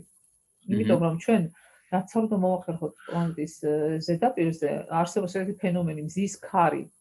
ანუ ზისგან წამოსული ნაწილაკები, რომლებიც განუწყვეტლივ გააცლიან ნებისმიერ პლანეტას ატმოსფეროს ზედაფენებს. აა თუ კი ის არ არის დაცული, რა თქმა უნდა, მაგნიტური ველით, როგორც არის დაცული დედამიწა, ხო? და თუ კი არ გვექნება ხელოვნური მაგნიტური ველი, არ არის აუცილებელი გლობალური იყოს, შეიძლება ალაგ-ალაგ იყოს ხელოვნური მაგნიტური ველები კონცენტრირებული. რომც მოახერხოთ პლანეტის ტერაფორმირება, საკმარისია გავჩერდეთ, რომ ეს პროცესი წავა უკან. აჰა. ასე რომ ჩვენ არ გვაწყობს ეს სცენარის გამიტარება, ამიტომაც არის რომ დღეს ტექნოლოგიებს შეიმუშავებენ ხელოვნური მაგნიტური ველის შესაქმნელად, რომ დაიცვან პლანეტები. არც ის ერთული კონცეფცია არ არის, ამის ნახვა შეიძლება სპორტაშოების სამეცნიერო აჰა. ლიტერატურაში და აქ ეს მნიშვნელოვანი რატომ არის? ეს არა მარტო მარსისთვის არის საჭირო. შეიძლება ვთქვათ, აი მარსი შეიძლება დავიცვათ და ასე შემდეგ. ეს არის ჩვენთვისაც საჭირო, იმიტომ რომ შეიძლება მოხდეს ის მოვლენა, რაც არაერთხელ განმეორებულა ჩვენს ისტორიაში, ეს არის მაგნიტური პოლუსების რევერსია, ანუ შეტრიალება. აჰა. სამხრეთ პოლუსის და ჩრდილოეთ პოლუსის სამხრეთისკენ, ნუ ამის მექანიზმები ჯერჯერობით ბოლომდე უცნობია, მაგრამ ამ პერიოდის განმავლობაში ჩვენ შეიძლება დავშეთ ძალიან სუსტი მაგნიტური ველის სამარა, ან საერთოდ მაგნიტური ველის გარეშე, რომელიც ძალიან დიდ ცვლილებებს გამოიწვევს დედამიწაზე და ჩვენც გვჭირდება ეს ტექნოლოგია, რომ თუ კი დადგება ჩვენთვის ესეთი მომენტი, ჩვენ თავი დავიცვათ. ასე ვთქვათ, ის გამოსხივებისგან და იგივე ტექნოლოგია ჩვენ შეგვიძლია გამოვიყენოთ მარსზე. მარც ესეთი რთული ტექნოლოგიები არის უბრალოდ. ალბათ მალე გამოცდიან ამასაც. კი ბატონო. ხო აი ფინანსებზეც, ანუ ამ ამ რაღაცებზე რომ საუბრობთ, ალბათ მსმენელს ლოგიკურად შეიძლება გაუშვეს შეკითხვა, რომ საიდან ამხელა ფინანსები, საიდან ამხელა რესურსები, ხო? აი აა თუმცა მე როგორც ვიცი, გინდა საი მაგალითად როდესაც საუბრობთ საკვებზე, ხო იქ რომ ანუ დროთა განმავლობაში ამ პლანეტამ ესე ვთქვათ, ჭალებში თავის თავის შენახვა უნდა მოახერხოს, ხო, რა თქმა უნდა და ვერ იქნება დამოკიდებული დედამიწის რესურსებზე. აი ეგეც საინტერესოა, ანუ აი რა შეიძლება იყოს სიტყვა საწყისი რასაც რაც დედამიწას მოუწევს რომ გაიღოს და შემდეგ უკვე რას შეძლებს თვითონ მარსი რომ აა თავის თავზე იყოს დამოკიდებული. და მე შეიძლება საერთოდ იმას ვილაპარაკოთ რომ რა შეიძლება ზოგადად აქეთ პირიქით დედამიწას მიაწოდოს. თუ კლუბებს გავეცნობი თანამედროვე კლუბებს ხო? საერთოდ ყველა მიმართულია იმისკენ რომ მაქსიმალურად იქნას გამოყენებული მარსის ადგილობრივი რესურსები და რაც შეიძლება ნაკლებად იქნას გამოყენებული დედამიწის რესურსები. თვითონ მასკის კონცეფციაც ეს არის, ხო, რატომ გვინდა მრავალჯერადი გამოყენების რაკეტები, რომ რაც შეიძლება შევამციროთ ხარჯები კოსმოსური მისიებისთვის. იქვე შემუშავებულია მექანიზმები, როგორ უნდა აიგოს შენობები მარსზე, სახლები მარსზე, როგორ უნდა მოიყვანოთ მოსავალი, რა უნდა იყოს ენერგიის წყარო, ხო? ისეთი ენერგიის წყაროებია შემუშავებული სხვათა შორის, რომ ჩვენც არ გვაწყენდა რო გქონდეს განსაკუთრებით იმ ქვეყნებს, რომლებსაც თქვა პრობლემები აქვს ენერგომომარაგებასთან დაკავშირებით, ხო? არის ცირე ატომური ელექტროსადგურები ყოველად უდანაკარგო უნარჩენო რომლებიც შემუშავებულია მარსის და მთვარის მისიებისთვის. და რა თქმა უნდა ძალიან ესეთ სუპერ თანამედროვე მზის ბატარეები რომლებიც გამოიყენება შემდეგ მარსზე. ხო რამდენიმე როვერი და ხელსაწყო ზუსტად ასეთი მზის ბატარეების გამოყენებით მოძრაობდა მარსზე მანამ სანამ არ გაუშვეს curiosity რომელიც ესე ფირთული ენერგიის წყარო იყო და შემდეგ სითბურ ენერგიაში გარდაქმნიდა ამ ყველაფერს და იღებდა ელექტროენერგიას. ხო, ისე როგორც perseverance. ასე რომ აა უკვე დაწყებულია ისეთი პროცესები, რომ რაც შეიძლება მაქსიმალურად შევამციროთ ხარჯები დედამიწიდან და რაც შეიძლება მაქსიმალურად გავზარდოთ შანსები იმისა, რომ ადგილზევე მოხდეს ასე ინსიტუ როგორც ვთქვიან, ყოველგვარი ტექნოლოგიის წარმოება. აა რა შეიძლება გაიღოს დედამიწამ? ესე იგი, თავიდან ეს იქნება, რა თქმა უნდა, რამდენიმე ხოლმალდი, შემდეგ ეს იქნება რობოტები. ხო, რომლებიც იქ უნდა გავაგზავნოთ და ავტონომიურად უნდა იმართებოდეს ეს არის დედამიწის რესურსი. აა რა შეიძლება იყოს სხვა შეიძლება საკვები და წყალი არ იქნება დედამიწის რესურსი. ხოლმე გზაში. კი ბატონო, ხო აი ეგეც საინტერესოა რომ როგორ დამზადდება იქ საკვები და ეს ყველაფერი ხო არის საუბარი ჟანგბადზე. ჩვეულებრივად საკმარისია მოიყვანოთ თქვენ მოსავალი რომ რა უნდა საკვების დამზადებას თქვა წინ ვერაფერი ვერ აღუდგება. აჰა. უფრო იქნება ალბათ იცით როგორი აი კონტეინერული საკვები ტექნოლოგიები, მაგალითად როგორც მასიურად ვაწარმოებთ ჩვენ ყველს, ხო, მიკრობიოლოგიის გამოყენებით. აა რაღაც სასილოსე რაღაც მეცნიერებასავით იქნება განვითარებული იქ ბიოტექნოლოგიები, რომ ბაქტერიების გამოყენებით მივიღოთ რა სხვადასხვა ნივთიერება, ვიტამინები, შეიძლება საწვავიც კი. ჩვენ ეს უკვე გვაქვს ეს ტექნოლოგიები, რომ ციანობაქტერიებისგან საწვავებს იღებ. შეიძლება ხალხი. საკვები არანაირი პრობლემა არ არის იმ შემთხვევაში თუ მოხდება ასე ვთქვათ პატარა კოლონიის აშენება. 3D პრინტერები ოღონდ სამშენებლო. ეს შეიძლება იყოს დედამიწის კონტრიბუცია. ამას ერთხელ გააგზავნი და შემდეგ უკვე თავისით მოახერხებს ასე ვთქვათ შენობების აშენებას იქ. ხო რაც საჭიროა იმის. ну ბოლომდე საქმე ვერ მივამანამდე სანამ რა თქმა უნდა რამდენიმე ადამიანების რამდენიმე ექსპედიცია არჩავა იქ და ვთქვათ მოალამაზებს ამ ყველაფერს, რაც მანამდე მოხერხდება ავტონომიურად, მაგრამ დღესაც კი გვაქვს ტექნოლოგია, რომ საკმაოდ შორს წავიყვანოთ მარსის კოლონიზაცია. და თქვენ აი იმის მიხედვით როგორ აჩქარდა საერთოდ ეს ყველაფერი ეს კოლონები, ეს პროცესები, ეს მარსი ადამიანების გაგზავნა მთვარის მისიები, ალბათ მიხვდებით, რომ რეალურად ჩიტი იგვიჭირავს ხელში და ასე რომ ვიდო რომ ახლა უკვე მას მივცეთ ფრენის საშუალება, ხო, ასე ტექნოლოგიები აქვს და ასე რომ უკვე პრინციპში დავიწყეთ.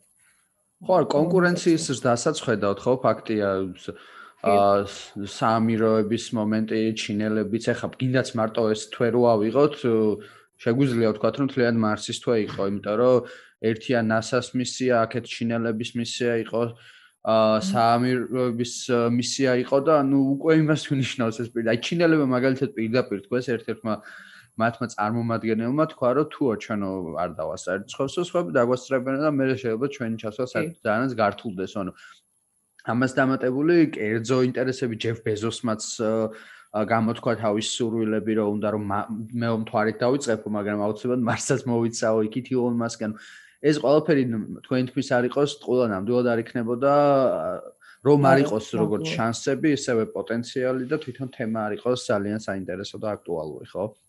ეს სხვადასხვა ვიდა თქვა რომ ჩემთვის როგორც ადამიანისთვის და მეცნიერისთვის ჩემთვის გულდასაწყვეტი არის, იცით? თავის დროზე მთვარის მისიაც ასე განხორციელდა. ანუ ერთმანეთს ერთმანეთის ჯიბრზე. აი პირველი მე ვიქნები, მეორე მე ვიქნები, ამ ხო, არა იმიტომ რომ არა იმის შეგენებით რომ საერთოდ ეს ადამიანის დანიშნულება და პროგრესია და კაცობრიობის წინ აი ეს არის იყო მიზეზი. მიზეზი იყო რა ჯიბრი ერთმანეთთან, რომ აი მე ვარ პირველი, მე ვარ უფრო მაგარი, ასე შემდეგ და სამწუხაროდ იგივე მეორდება მარსთან დაკავშირებით, ანუ კი არა რომ რაღაც კოლაბორაცია იყოს ქვეყნებს შორის, რომ აი მოდი ერთობლივად რაღაც ეს შემუშავოთ ეს ტექნოლოგიები, გავაგზავნოთ ასე ვთქვათ მარსზე, დავიწყოთ მისი ათვისება, არამედ არა, უი ხედავ, აი ნახე ამან მოახერხა ეს და უი, ესე იგი მოდი ახლა თუ ჩამოვრჩი ხო დავიღუპე ესე იგი რა ჩემი რეკასია დაიღუპა და არიქა მეც ხო ესე იგი ზოგი იმაზეც მიდის რომ შეიძლება უკანასკნელი ხალხი უკანასკნელი ლუკმა აბდყონას თავის ხალხს არა საკვების ზოგიერთ ქვეყანას გულისხმობ აქ როგორც თავის დროზე სხვათა შორის საბჭოთა კავშირმა გააკეთა იმის ჯიბრით რომ აი მე უნდა ვიყო თვარეზე პირველი სუპერმარკეტებში საჭმელი აღარ იყო, ხო? ბოლოს იმ პერიოდში და სტალონებიც დადიოდნენ იქ საკვებად, ხო? ასე ეს ეს ჩემთვის ძალიან სამწუხარო. სხვათა შორის ხაზი ამ კაცობრიობის გამიტარების, რომ აი ამის გამო და ამ მიზეზებზე დაყნობით ხდება ეს ყველაფერი და არა იმის გამო რომ ადამიანმა დაინახოს რომ ეს არის საჭირო პროგრესისთვის და გამვითარებისთვის და ის კი არა ახეობისთვის. ხო, ახლა სხვა პლანეტას დაალეწო ერთმანეთს პირ-პირი, ხო, ეს ძალიან ცუდი მომენტია სოფეშორის. მაგრამ ნუ რადგან ასეთია ჩვენი ისტორია, ასეთია ყოველ შემთხვევაში თავარია განხორციელდეს ახლა ეს ყველაფერი და ხო, თუმცა ის სიტყვაზე მართლაც თქვენაც წესაუბრეთ ახლა ხო რაღაც ეგზისტენციალური მომენტი შემოდის, როდესაც სხვა პლანეტაზე ჩავლენეს ადამიანები, ერთია რომ ეს ბექგრაუნდს აიღებენ, რა თქმა უნდა, რომელიც სახელმწიფოდან აი ყველაფერი მაგრამ შეიძლება მართლა რაღაც დონეზე მოხდეს გადაფასებები გინდაც იმ ფასეულობების და იმ აღქმების რაც მაგალითად აი ჩინელებმა თქვეს რომ ჩვენ თუ ცოტა ხანში არ ჩავედით მე საერთოდ ვეღარ ჩავალთ. ანუ აღიქმება ის თითქოს ისევ აი ეს მისაკუთრების ელემენტია მარსეც და არაბებმა საერთოდ თქვეს ესეთი რაღაცა რომ სამიროებმა თქვეს ესეთი რაღაცა რომ ჩვენ ჩვენი ქალაქი უნდა ავაშენოთ და შემოღობოთ. და პირველი შენობა უნდა იყოს მეჩეთი აი ნუ აი ეს არის რა ქვია. აი ამ თემებზე რადგან ვისაუბრეთ აა მოდ მოვიცვათ აი თვითონ აი სენს ჩემს კი ძალიან დაინტერესებს აი როგორ შევა თვითონ უშუალოდ წარმოვიდნენ ტერაფორმირებამდე ჩავიდნენ ადამიანები და ცხოვრობენ თვითონ ამ ინფრასტრუქტურაში ხო რაღაც სპეციალურ გუმბათები შეიძლება დავარქოთ ამას თუ რაღაც დანადგარებს სადაც ეს ხელოვნური იქნება თავიდან სიტყვაზე ჟანგბადის და ყველაფერი და აი შეგვიძლია ესეც დაახლოებით რომ აღწეროთ როგორ იმიტომ როგორც მე ვიცი ხა ზუსტად არავის არა აქვს ესე გამოქვეყნებული აი ზუსტად ესეთი იქნება მაგრამ აი დაახლოებით როგორ შეიძლება იყოს და როგორ შეიძლება იყოს აი მაგალითად ერთი მარსელის რაღაც ჩვეულებრივი ერთი დღეს აი ერთი მარსელის ცხოვრება. ხო აი მუშაობა ხომ მოუწევს იქ აუცილებლად იმას ამ პლანეტისთვის ხო და აი ეს ერთი დღე როგორ შეიძლება იყოს და რანაირ გარემო იქნება რომ აი თუ შევძლებთ რომ ამაზეც ცოტა ვისაუბროთ და საინტერესოა ჩემი აზრით მე ჩემი წარმოდგენით რა თქმა უნდა არ არის აუცილებელი რომ აი ნამდვილესად ყველაფერი ასე იყოს მაგრამ დავეყნობ იმას რაც დღეს გვაქვს. ქალაქი თუ იქნება მარსის ქალაქი იქნება უფრო ორგვარი ნაწილობრივი იქნება მიწის ქვეშ უფრო მღვიმეებში ხო როგორც დაიწყო კათოლიკების ისტორია მაგრამ ჩვენ ასე მღვიმეებში ვერ გავძლებთ ნაწილობრივ რა თქმა უნდა იქნება გარეთ. მარსის გრუნტით დაფარული სახლები როგორი შენობები იქნება თუ გაინტერესებთ და ინფრასტრუქტურა შეგიძლიათ ნახოთ NASA-ს გვერდებზე NASA უკვე რამდენიმე წელია აცხადებს მარსის სახლის კონცეფციას და იქ არის შენობები და ნაგებობები და კოლონიების ფორმები მოცემული რომლებიც აგებულია მთლიანად მარსის გრუნტის გამოყენებით 3D პრინტერის დახმარებით ხო? იქვე ანუ 3D პრინტით მშენებლობა მიმდინარეობს, თქვათ, პირველი ეტაპისთვის აქ დედამიწაზე და შემდეგ იგივეს გადაიტანენ მარსზე. ამ შენობების კონცეფცია თქვენ შეგიძლიათ ნახოთ, სხვათა შორის საკმაოდ კომფორტული ესეთი ლამაზი კარგი გარემო არის ამ შენობებში და ამ ხელოვნურ ეკოსისტემებში, რომლის შექმნასაც აპირებენ. დაახლოებით ასეთ პირობებში იცხოვრებენ ეს ადამიანები. ასე რომ წარმოვიდგინოთ ჩვეულებრივი მარსელი, რომელიც ცხოვრობს ამ კარგ პირობებში, როგორც წარმოგვიდგენია ჩვენ, როგორც არის თანამედროვე სამყაროს კონცეფცია. რა, უნდა იცოდეს რა, დაახლოებით ისეთი პირველი ტექნოლოგიის მოხმარება, რაზეც დამოკიდებული არის მისი სიცოცხლე, ხო, ასე ვთქვათ. სწორად როგორ უნდა მოიქცეს, შუქი როგორ უნდა შემოვიდეს, ასე ვთქვათ, საახლში, შემდეგ როგორ უნდა იაროს, რისგან უნდა დაიცვას თავი, რა უნდა მოერიდოს წყალი, როგორ უნდა მოუშვას, რამდენი წყალი შეიძლება მოიხმაროს თავიდან სანამ არის დეფიციტი ამ რესურსის, შემდეგ და წავიდეს აუცილებლად და მიხედოს მცენარეებს, ხო? იქ იქნება საკვები მცენარეები თუ ის მცენარეები, რომლებიც ჟანგბადს გვაწვდიან. ჩვენ საერთაშორის ვფიქრობ, რომ მარსელი უფრო დააფასებს იმას თუ რა არის ადამიანისთვის მცენარეები და ჩვენ ვახერხებთ აქ დედამიწაზე მივერეკები და კაფავთ და ვკაფავთ ამ დღეებს, ხო? მისთვის უფრო ესეთი მნიშვნელობა ექნება ამ მცენარეებს. აა ის აუცილებლად შეასრულებს რაღაც გარკვეულ სამუშაოს, ფუნქციები იქნება რა თქმა უნდა გადანაწილებული და ყველანი დასაწყისისთვის იმუშავებენ იმისთვის რომ ახალი და ახალი სექტორები შემოუმატონ ასე ვთქვათ პლანეტას. შემდეგ ისინი აუცილებლად იმუშავებენ გენეტიკურ ინჟინერიაში ადგილზევე რომ მოახერხონ ისეთი სცენარეების გამოყვანა, რომლებიც დაიგება გარეთ და რაც ხელშეუწყობს მარსის ტერაპორმირებას, ხო? ტექნოლოგიებზე იმუშავებენ, ატომურ ტექნოლოგიებზე, მზის ბატარეებზე და ну ადგილობრივად საერთოდ ყველანაირი პროდუქტის შექმნაზე, რაც კი არის შესაძლებელი. უმეტესად ისინი მასე ძალიან როდო კარგი ნერვების მქონე, განათლებული, განსწავლული ხალხი არა, მეცნიერი, მაგრამ კარგად დატრენინგებული ხალხი. ხო, რომელიც თავის მკაცრად განსაზღვრულ ფუნქციებს შეასრულებს უნდა კოლონიაში, მაგრამ ასევე საჭიროებისამებრ შეიძლება რომ ვთქვათ სხვა ადამიანის ფუნქციაც შეითავსოს, ხო? ეს მანამ სანამ ვთქვათ არ გამოიწდება ამ ტექნოლოგიის საიმედოობა თუ კი საიმედოობას გამოიწდეთ, რა ვიცი, შეიძლება აი პირველი დედამიწალისთვის ძნელი იყოს, მაგრამ მე მარსზე რო ხალხი დაიბადება, იმისთვის ეს ჩვეულებრივი ამბავია. ამბავი იქნება ისეთ პირობებში ცხოვრება, როგორ პირობებშიც მას მოუწევს და არც ნოსტალგია ექნება დედამიწის და არც დიდი ოკეანეების და არც ცისფერი ცის და ასე შემდეგ, ხო? აჰა. ეს ხალხიც გარკვეულწილად განახორციელებს თავის ფუნქციებს. თან რაღაც საერთო ჯამში რაღაც დიადი მისია იქნებათ მიზნად რომ ერთ დღესაც გაიხედონ და საში სადაინახონ ისეთი შეიძლება როგორც დედამიწაზე ხედავენ ადამიანები. ადამიანები გამოახო პირდაპირ კარები და გავიდნენ გარეთ სკაფანდრის გარეშე. ხო ან თვითონ იდეა არის ისეთი რა უფრო აღმოფრთოვანებელი და მგონია რომ რაღაც დონეზე იდეალისტი ადამიანები იქნებიან ვინც სიტყვაზე იქ სწავლენ და მათი ის იქნება მნიშვნელოვანი ეს ყველაფერი და მათთვის ის ის გიოშრომა რაც ვისაუბროთ ჩემს არ იქნება ესე თქვა რაღაც რუტინული ხო რაღაც დონეზე. ეგეც ეგეც ძალიან საინტერესოა. აი ჩვენ ვისაუბრეთ იმაზე სიტყვაზე. აი სცენარი ახსენეთ უბრალოდ კიდე ეს მარსელი გამახსენდა ფილმი. სცენარის დაფასებაზე როდესაც არ თუ გახდეს მომენტი მე დეიმონი როდესაც პირველად დაინახავს პატარა სცენარის პატარა სცენარის აი თითის ხელს ხო ხო და მე უკვე დედამიწაზე როდესაც არის უკვე ჩაუბრ ცხოვრობს. და ძირს იხედება და იმას ხედავს ისევ. კი და ანუ აი რა გარშემო შეებამოს ევროპასებით, მაგრამ მართლა რამხელა მნიშვნელობა აქვს ხო ამ ყოველფერს რა. აა და კი არა დაიხარო და მოწყვიტო ხო, როგორც ჩვენ. კი, ან გადაუარა უბრალოდ ხო. ხო, გადაუარა ფეხი და და არამედ ხო. სხვა შეიძლება ეგ მომენტი K-Pax-იც არის მე ძალიან მომწონს. თუ გახსოვთ თვითონ ყოველთვის და დაბრუნდება და ყველა დადის გაზონზე.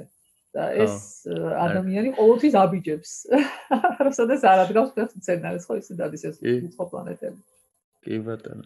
ხო აი აი ადამიანებზე ვისაუბრებთ ჩვენ ხო? ანუ შეცვლაზე მათ შორის ეროვნებაზე და ძალიან საინტერესო კიდე ერთი ფაქტორი, როგორც არის მცირე გრავიტაცია, იმიტომ რომ ჩვენ შეგვეძლება სიტყვაზე ტერაფორმირებაც ეს ისო ჟანგბადიც იყოს, საკვებიც იყოს ყველაფერი, მაგრამ მარს აქვს მცირე გრავიტაცია თავის ზომიდან გამომდინარე, ხო, დედამიწაზე შედა, დედამიწასთან შედარებით, ხო? ეს აჩენს რაღაც ბევრ შეკითხვას, ასევე ჩემთვის პირადად ძალიან საინტერესოა იმ კუთხით, რომ ამან შეიძლება სახეობა რაღაც დონეზე, ბიოლოგიურ დონეზე შეცვალოს, ხო? ანუ მათ შორის არის სულების დათხელებაზე შეიძლება იყოს საუბარი და აი ეს არის ძალიან ჩემთვის საინტერესო. აა ერთი ესეთი შეკითხვა იქნებოდა, ანუ როგორი შეიძლება იყოს სიტყვაზე, ანუ შთამომავლები როგორ შეიძლება იყვნენ იქ ანუ რამდენად შეიძლება რომ მათი ბიოლოგია შეიცვალოს მე როგორც ვიცი შეიძლება მაგალითად დედამიწის გრავიტაციის გაძლება გაუჭირდეს რადგან მისი ცვლები უფრო თხელი იქნება და მეორე რამდენად შეიძლება ამან რაღაც დონეზე მართლა აი რაღაც განყენებულ მეორე ვარიანტი იყოს მოკლედ homo sapiens-ის მარსელი, ხო? აი ეგეც ძალიან საინტერესო ფენომენია. და საიდან მოდის ეს იდეა? ეს იდეა მოდის თავიდან ბოლომდე იმის იმ ეკოლოგიური პრინციპების გათვალისწინებით, რაც ჩვენთვის არის ცნობილი, როდესაც რაღაც გარკვეული სახეობები აღმოჩნდებოდნენ ხოლმე სულ სხვა გარემოში, თქვათ ან კუნძული მოწყდებოდა კონტინენტს ან ექსტრემალურად იცვლებოდა კლიმატი და ასე შემდეგ. აქედან ჩვენ ვიცით ერთი რამ, არსებობს ესეთი გამოთქმა, რომელსაც ეწოდება რეაქციის ნორმა. როდესაც საუბრობთ იმაზე, თუ რამდენად შეიძლება შეიცვალოს ორგანიზმი ფიზიკურად ახალ პირობებში. ამას აქვს თავისი მიზეზები, მაგალითად, ადამიანი შეიძლება გარეგნულად შეიცვალოს რაღაც გარკვეულ პირობებში, მაგრამ რა თქმა უნდა, ეს ადამიანები არც ერთ ვარიანტში არ გახდებიან არც სამხელა და არც ოთხფეხა. რა თქმა უნდა, ხო. ამას ეწოდება რეაქციის ნორმა, ანუ იმ ფარგლებში იქნება ცვალებადობა, რაც მათ შეუნარჩუნებს, ხო, გარემოს გამო, რაც მათ შეუნარჩუნებს ფუნქციონალობას, ადამიანობას, ასე ვთქვათ, ჩვეულებრივ გარეგნობას, მაგრამ რაღაც მცირე ფარგლებში იქნება ცვლილებები. ნაკლები გრავიტაცია არ არის პრობლემა, სხვათა შორის. საერთაშორისო კოსმოსურ სადგურზე გამოვლინდა, რომ ნაკლები გრავიტაცია შეიძლება იყოს იმის მიზეზი, ან გრავიტაციო, ასე ვთქვათ, რომ გამოირეცხოს ძვლებიდან კალციუმი და დასუსტეს გულის კუნთები. სხვათა შორის ეს არის ცნობა, მაგრამ სანამ იმ სადგურზე ხარ, მაგრამ ეს არ არის რაღაცა განსაკუთრებული მუტაგენური ფაქტორი. ანუ ის რომ გენეტიკურად მოხდეს ცვლილებები, ამას ცირე გრავიტაცია, საერთოდ გრავიტაცია არ ახდენს. ესეთ გავლენას ადამიანზე. ასე გენეტიკურად ადამიანი არ შეიძლება. შეიძლება მხოლოდ გარეგნულად ეს ფენოტიპურად, რა თქმა უნდა, ექნება უფრო წვრილი ძვლები, უფრო მაღალიც გაიზრდება, ალბათ უფრო მუქი კანი, იმის გამო რომ არის უფრო ექსტრემალური ультраიისფერი გამოსხივება, ხო, რა თქმა უნდა, ჩვენ შევეცდებით რომ ადამიანს ეს დიდი რაოდენობით არ მოხდეს, მაგრამ ორგანიზმი მაინც შეიგრძნობს ხოლმე გარეთ გადიან, ასე ვთქვათ, განათებით შემოდის რაღაც ალკოჰოლის რაოდენობა. შედარებით მუკანიანი, შემდეგ ჩვენ ვიცით რომ ქვიშასთან, ქვიშის გარემოსთან შეგუება, აი ვიცით ჩვენ ყვითელი რასა ხო? როგორი ნიშნებით ხასიათდება, იცის თვალების დავიწროება, ხო, შედარებით უფრო ვიწრო თვალები აქვთ ხოლმე. აა სიცხემიცის და პროტმების დახუჭუჭება, ხო, ასე თქვა, თუ გამოსხივებას აქვს ადგილი კანის გამქება და აი დაახლოებით ესეთ რაღაც რეაქციული ნორმის ფარგლებში, რა თქმა უნდა, შეიძლება. მე არ გამორიცხავ, რომ თაობათა თაობათა თაობების შემდეგ რაღაც გენეტიკური ცვლილებები მოხდეს, იმიტომ რომ მუტაცია ყოველთვის მიმდინარეობს, მაგრამ ის რო თქვა 100 და 200 წელიწადში რაღაც ექსტრემალურად განსხვავებული ადამიანები მიიღოთ, არ ამგონია, მაგრამ ფენოტიპად კი იქნებიან სხვანაირი. ხოთიშეს ეს აქვს რი ბრედბერის აღწერილი როგორები არიან მარსელი. კი. ერთ-ერთ მოთხრობაში ხოლმე ეს. კი. გამხარ ესეთი შავ. ვერცხლისფერი მოლაპლაპე კანი და ასე შემდეგ. კი. აი, სხვაჩერს არის ესეთი სერიალი Expanse, Expanse თუ გაქვთ, თუ თუ უყურებთ, არ ვიცი, ანუ სადაც არის ძალიან მან მე ძალიან მომწონს ეგ დეტალი ზუსტად, რომ მან არის აღწერილი შორეული მომავალი, სადაც მარსელები არსებობენ, დედამიწელები და ასტეროიდიანებს ეძახიან, რომელიც ასტეროიდებზე ცხოვრობენ ცალკე. და აი როგორ როგორ ხდება მათი ანუ რაღაც როგორც ხო, შეგუებლობა, იდენტობა უყალიბდებათ თავისი და აღქმა და აი მათ შორის აი ეს დეტალები რაც ვისაუბრეთ, მანდაც არის ძალიან კარგად ნაჩვენები თუ ან ცირე გრავიტაციის შედეგად როგორ არიან უფრო მაღლები, ძვალი ოქჩედაებით დათხელებული და ნუ აი ეს ყველა ფაქტორი ძალიან ისეა კარგად ნაჩვენები და მაგ ხრივად ძალიან საინტერესო. სოციოლოგიისთვის იქნებოდა საოცრად საინტერესო გამოსაკლებია და აბსოლუტურად სხვა სოციუმი შეიქმნება რა იქ. ხო. აი საერთოდ სხვა სხვა პრიორიტეტები. არანაირი მნიშვნელობა არ აქვს მაგალითად ეროვნებას რაღაც მნიშვნელობა აქვს უნარებს ხო?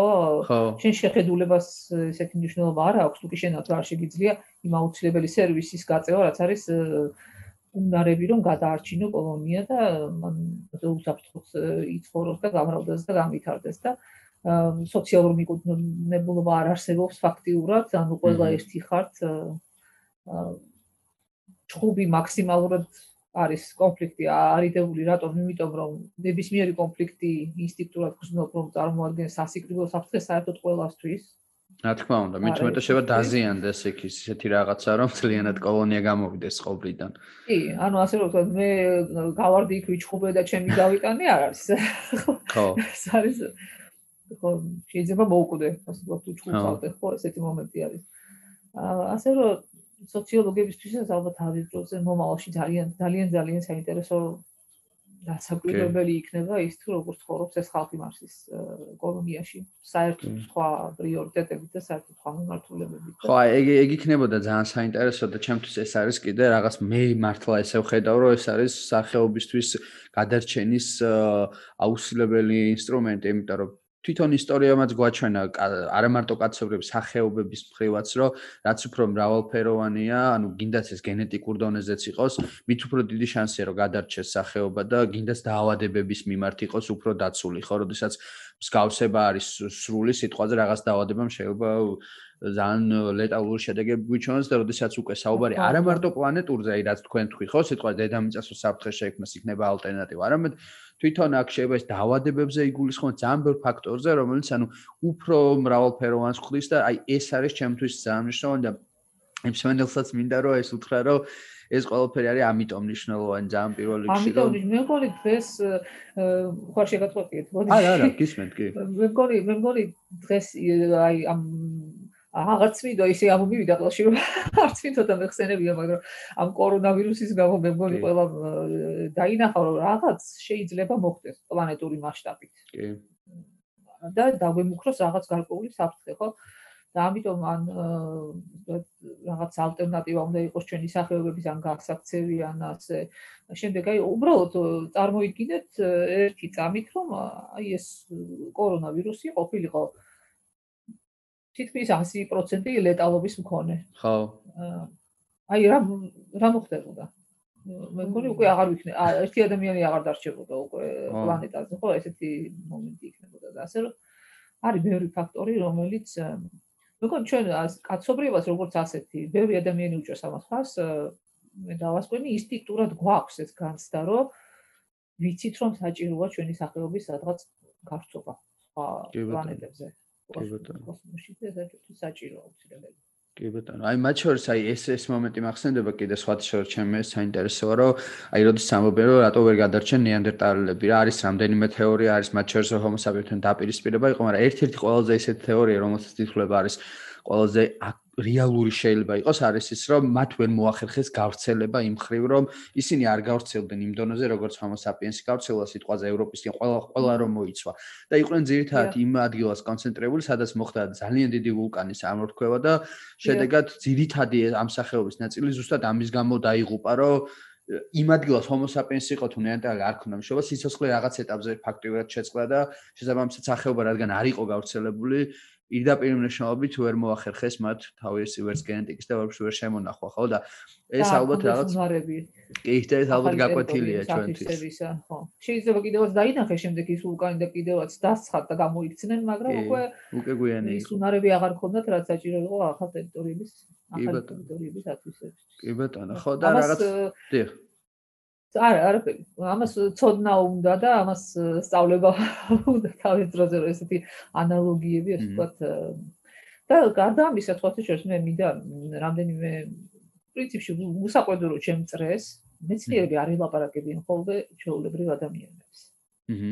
ანუ ძალიან ცალკე არიან და თავისთვის განიხილა რაღაც პრობლემებს და ასე შემდეგ. სხვა თეორიით ნასამ გადალახა ეს კომპლექსი ის ყოველთვის ღიად საუბრობს კვლევებზე, ახალ აღმოჩენებზე, პოპულარული სახით აღწელებს ინფორმაციას, ეწევა ხალხის განათლებას და ასე შემდეგ, მაგრამ ჩვენთან არის სულ სხვა სიტუაცია. ჩვენთან ხალხს გონია რომ მეცნიერი რაღაცაზე მუშაობს იქ სადღაც გაუგებარზე, უსარგებლოზე და რა ვიცი, ან ბიუჯეტის ფუშჭამს.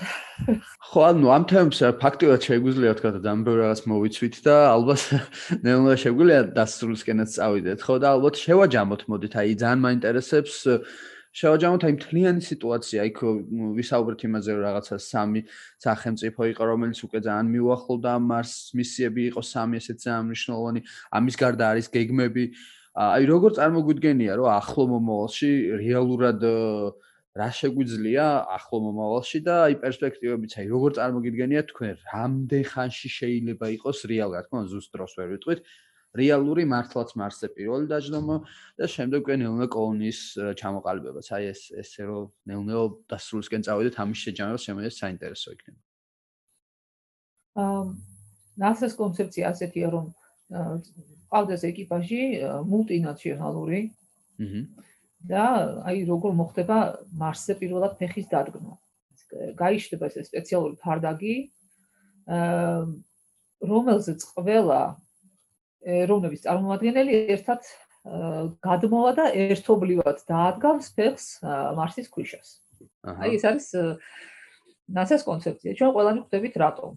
რომ არ ატყდეს ერთი ამბავი რაღაც სისულელეებზე გამოკიდება თითქოს ადამიანი ადამიანი არ არის, ხო?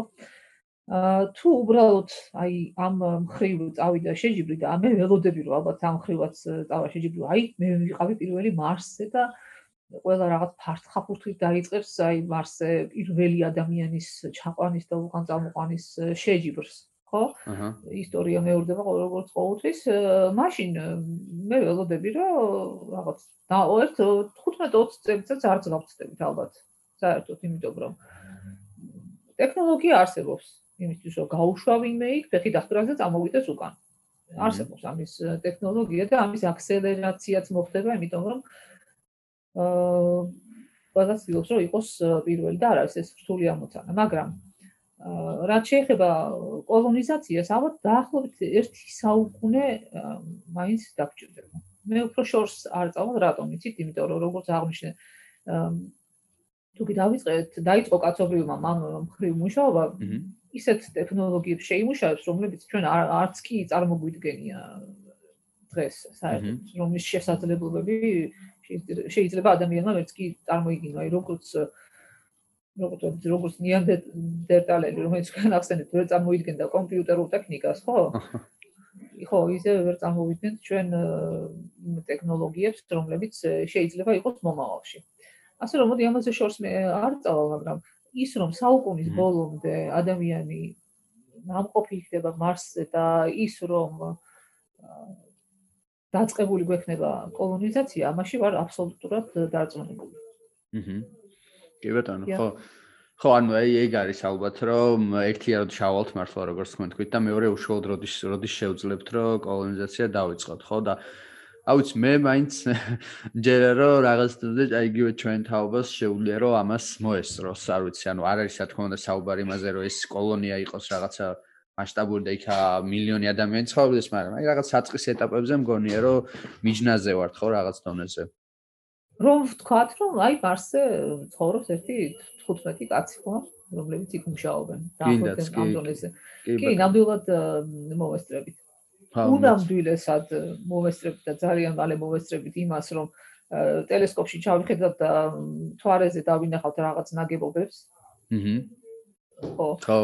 გამოსაცდელი კოლონიისთვის და ვიტყვით, რომ აი ვიღაც ტურისტი თვარეზე წავიდა, დამდენი დააჯდა, რაღაც ესეთი, ეს ეს არის უნამდვილესად ეს არ გადააცილებს უახლოეს მომავალს, აბსოლუტურად დარწმუნებული ვარ ამაში. მაგრამ აი მარსზე უკვე, რა ვიცი, პირველი ადამიანის დაждდომას ყოველთვის ჯერა რომ ჩვენ მოვესწრებით ჩვენი თაობა მოვესწრებით. ხო, თან ძალიან სიმბოლური იქნება. კი. კი, ძალიან სიმბოლური იქნება.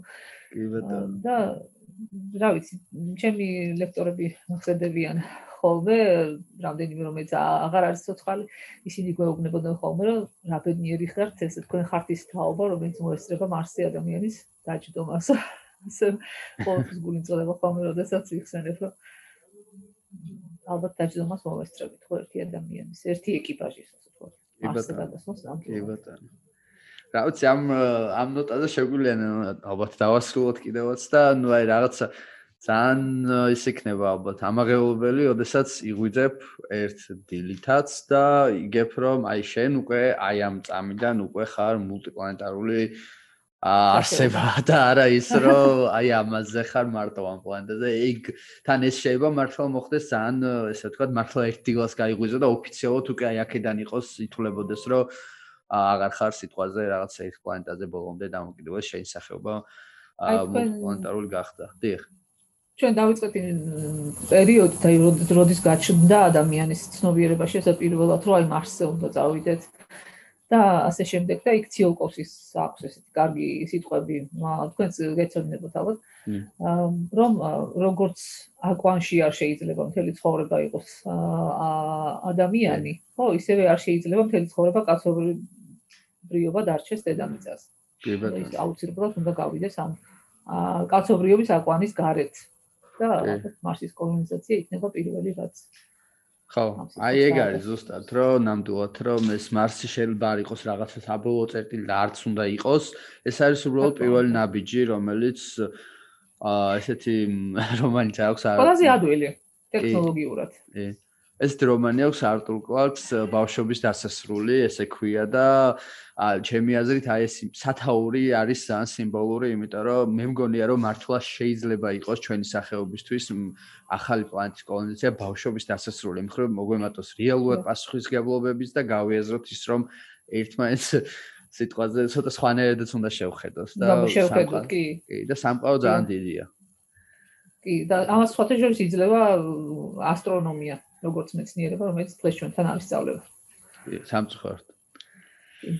კარგით, მაშინ ძალიან დიდი მადლობა სტუმრობისთვის და ძალიან სასიამოვნო იყო. სვენელსაც შესაძლებლობისთვის. კი ბატონო, სვენელსაც მადლობას გადავხდი და დროებით, კარგად. კარგად, ძნიერად.